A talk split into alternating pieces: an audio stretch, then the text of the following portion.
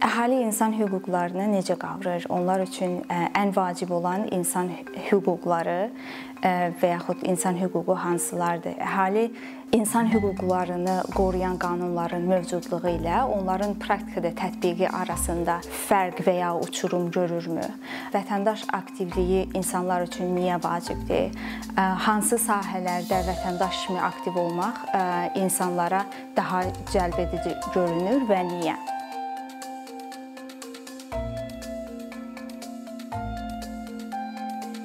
Biz 2020-ci ildə Azərbaycanda bəlkə də müstəqillik dövrünün ən aktiv vətəndaş cəmiyyətini gördük.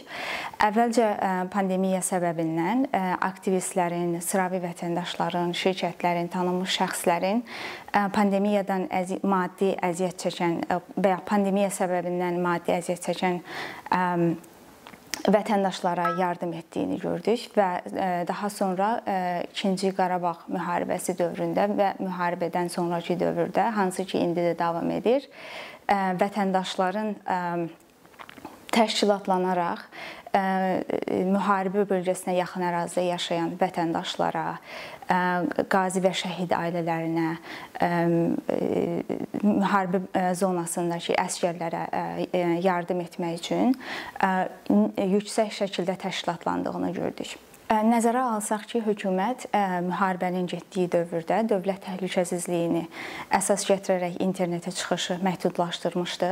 Vətəndaşların bu məhdud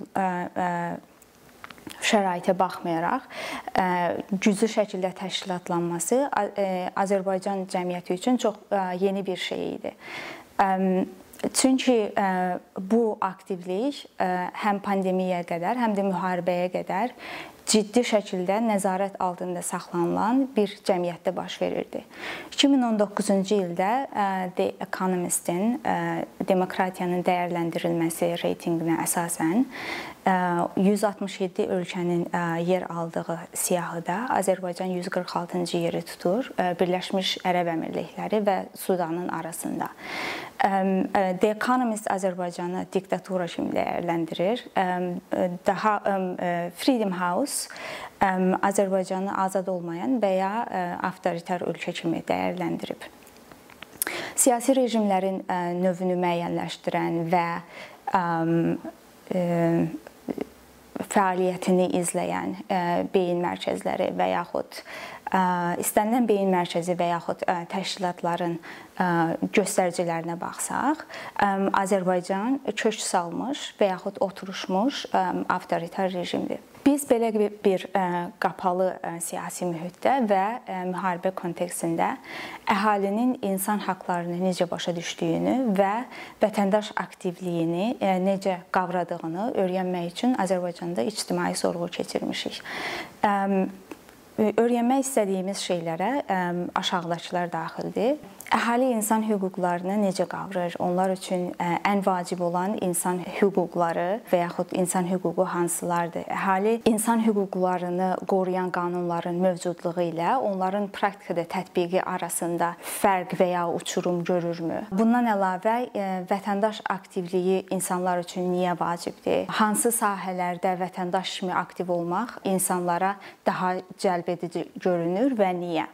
Sorğunun qısa texniki tərəflərindən danışacağam. Biz sorğunu 2021-ci ilin yanvar ayında keçirmişik və 18 gün ərzində 1575 tam doldurulmuş sorğu anketi əldə etmişik. Azərbaycanda ictimai sorğu geniş yayılmadığından bir haşiyə çıxmaq istəyirəm.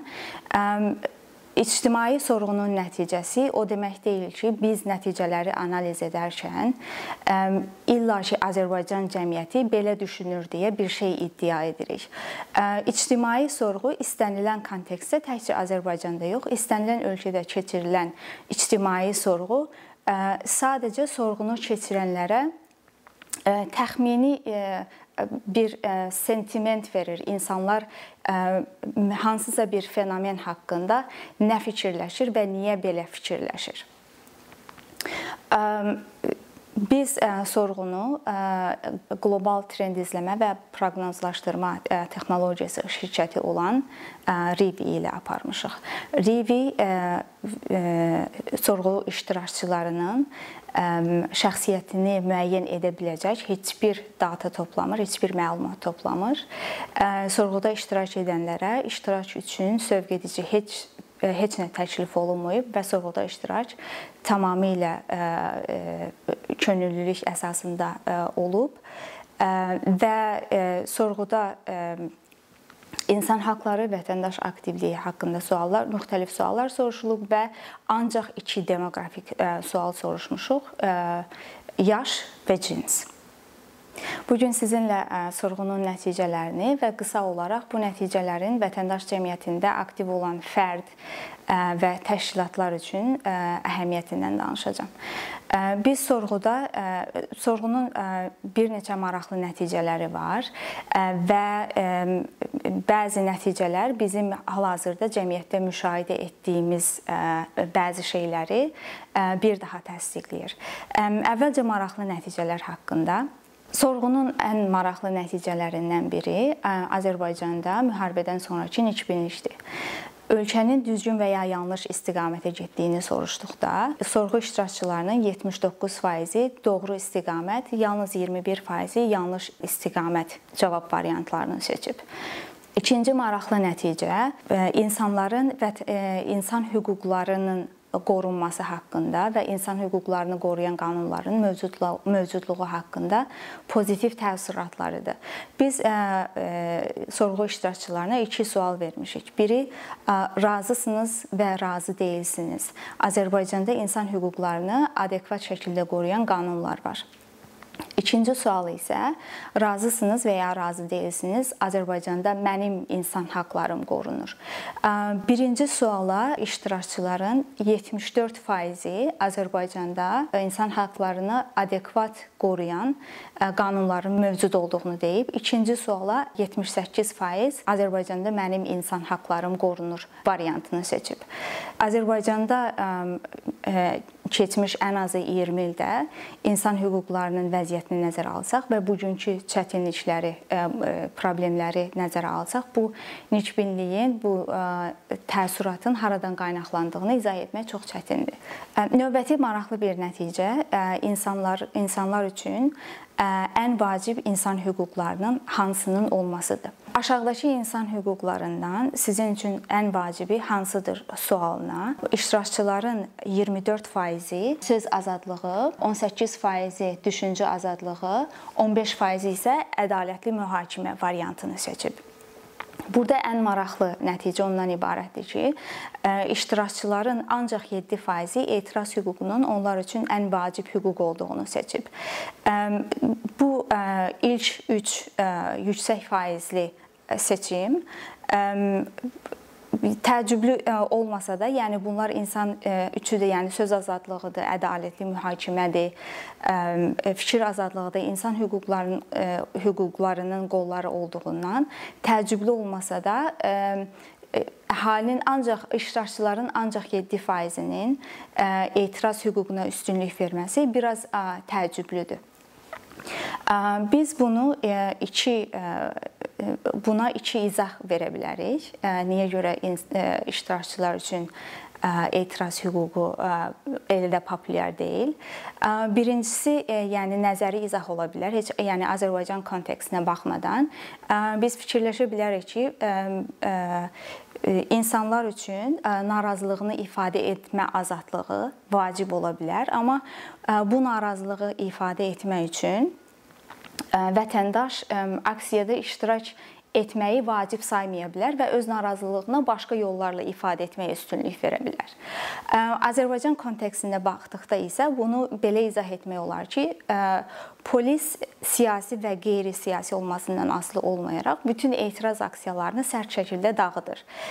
Və ona görə də etiraz hüququ vətəndaşlar üçün o qədər də cəlbedici hüquq deyil. Çünki onlar o hüququ onsuz da praktikada tətbiq eləyə bilmirlər. Amma biz bu sualı tərtib edərkən fikirləşirdik ki, etiraz hüququ yəqin ki, ən yüksək faizli cavab olacaq. Çünki insan psixologiyası belədir ki, ona qadağan olunmuş şeylər, onun onun üçün məhdudlaşdırılmış şeylər ona daha çox cəlb edici cəlb edici görünür. Bu sualın nəticəsində bir demoqrafik məqam var. Onu nəzərinizə çatdırmaq istəyirəm. Bu 7% ümumiyyətlə iştirakçılar arasında etiraz hüququna üstünlük verən iştirakçıların böyük hissəsi 65 yaşından yuxarı olanlardır. Biz bunu Sovet irsinin həmin yaş qrupuna olan təsiri ilə izah edə bilərik. Çünki bu yaş qrupunun nəsli Sovetin dağıldığı dövrdə, yəni Qlaznost və Perestroykanın yol açdığı kütləvi narazılıqlar ərəfəsində təxminən 30 yaşlarında olublar. Və bu nəsil o nəsildir ki, 88-ci ilin noyabrından başlayaraq əvvəlcə gizli yığıncaqlar, daha sonra isə kütləvi aksiyalar təşkil etmiş və Azərbaycanın ümumiyyətlə azadlıq mübarizəsini təşkilatlandıran nəsil olub və və nəticədə yəni hakimiyyət kommunistlərdən demokratiya tərəfdarı olan qüvvələrə, yəni Azərbaycan Xalq Cəbhəsinə keçib.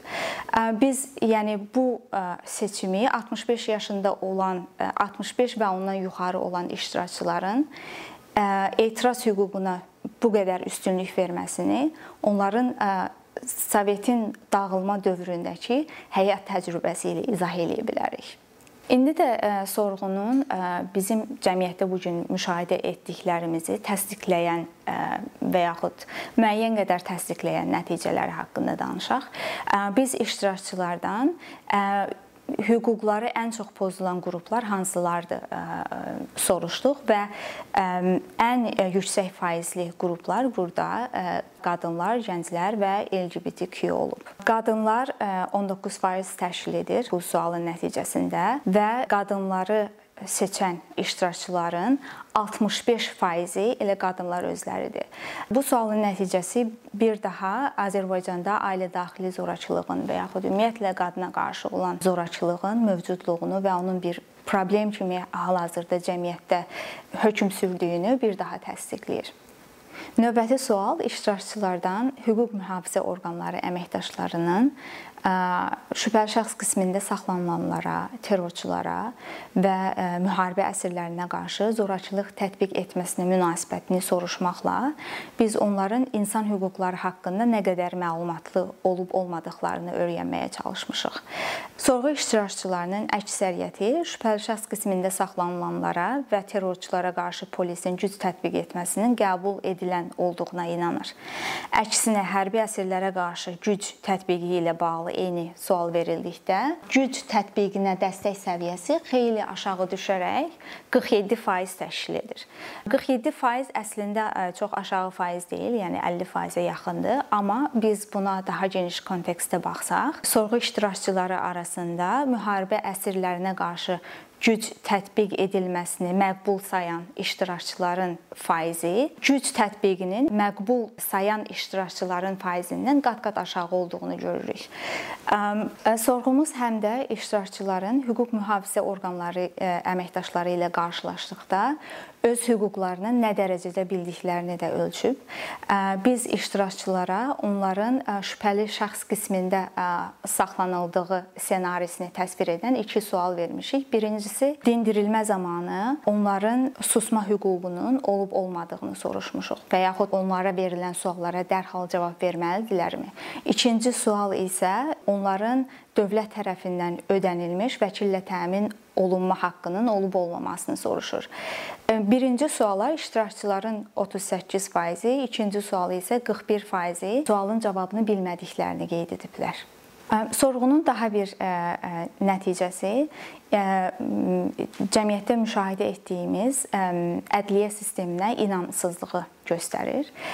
Biz iştirakçılardan onların hüquqlarının müdafiəsini kimə etibar etdiklərini soruşduqda çox maraqlı sual cavab variantlarında çox maraqlı nəticələr görürük. İştirakçıların böyük hissəsi ənənəvi ədliyyə institutlarına, yəni məhkəmə və vəkillərə inanmır qanuni olaraq təsis edilmiş institutlara, yəni vəkillər və məhkəmələrə etibar edənlərin sayı son dərəcə aşağıdır. İştirakçıların 19%-i sualda təklif olunan heç bir qurum və ya instituta etibar etmədiyini, 19% vəkillərə, 16% isə məhkəmələrə güvəndiklərini deyirlər. Bu nəticə insanların ədliyyə sisteminə etibar etmədiklərini bir mənalı şəkildə göstərir. Nəticənin ikinci maraqlı aspekti isə alternativ ədliyyə xidməti və ya paralel ədalət sisteminin mövcudluğunu göstərir. İştirakçıların 16% prezident administrasiyasına, 13% polisə və daha 12% isə Heydər Əliyev fonduna etibar etdiyini qeyd edib. Və sonda e, bir neçə e, sualla biz vətəndaşların e, niyə görə vətən cəmiyyətdə aktiv olmalarını, hansı sahələrin onlar üçün daha cəlbedici olduğunu öyrənməyə çalışmışıq. Aşağıdakı təşəbbüslərdən hansını daha çox dəstəkləyərdiniz sualına iştirakçıların əksəriyyəti yoxsulluq içində olan ailələr, şəhid ailələri və orduya dəstək cavab variantını seçiblər. Bu sualda iştirakçıların yalnız 6%-i hansısa bir müxalifət partiyası partiyasının və ya YAP-ın namizədi üçün siyasi kampaniyanı dəstəkləyərdi cavab variantını seçib. Siyasi kampaniyalara dəstəyin bu qədər aşağı olması ölkədə seçki sisteminə olan inamsızlığı göstərir.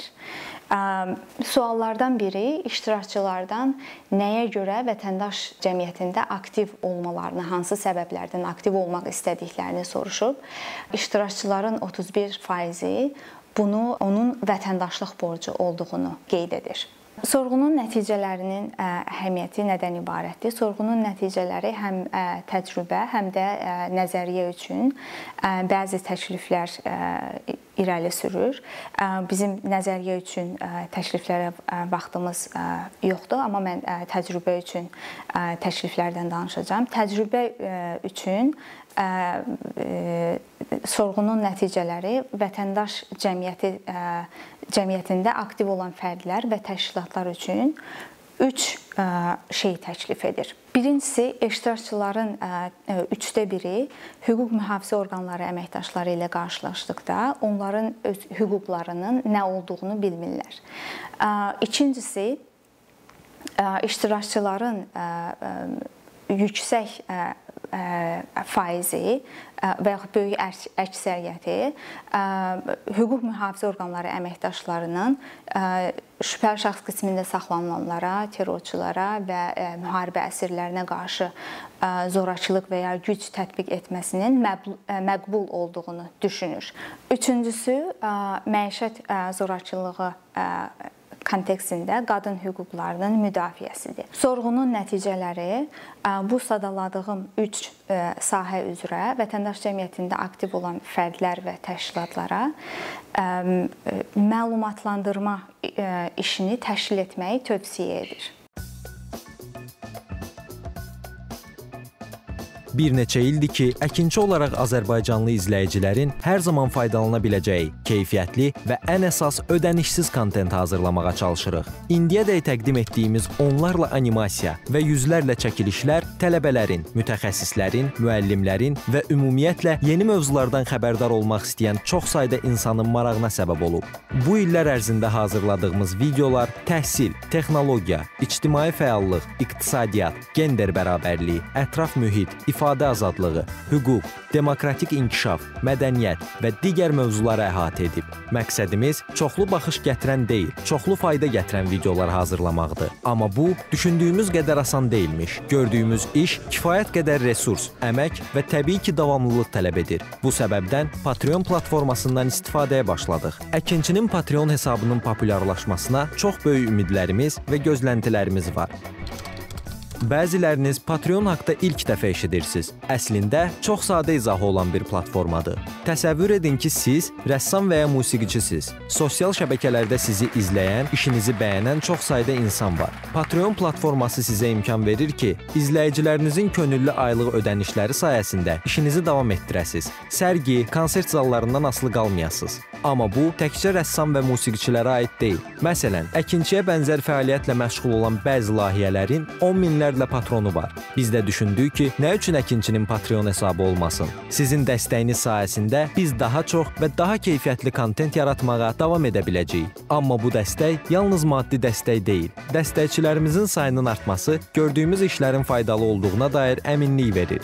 Patreon platformasından istifadə çox sadədir. Hesabınızı açırsınız, sizə uyğun dəstək növünü seçirsiniz və Patreon özü hər ayın ilk günü kartınızdan seçdiyiniz dəstək növünə uyğun ödəniş tutur. Bu qədər. Sonda onu demək istəyirik ki, dəstəkçilərin sırasına qoşulmaq istəyən, amma məhdud imkana görə bunu edə bilməyənlər narahat olmasın. Daha öncə dediyimiz kimi, bizim əsas məqsədimiz daha çox insanın hər zaman faydalana biləcəyi keyfiyyətli və ödənişsiz kontentin yaradılmasıdır. Bunun üçün mütləq patronumuz olmalısınız deyə məcburiyyət yoxdur. Amma imkanınız patron olmağa çatırsa və bizim işimizi bəyənirsinizsə, patronlarımızın sırasına qoşulmağınız bizim üçün çox önəmlidir.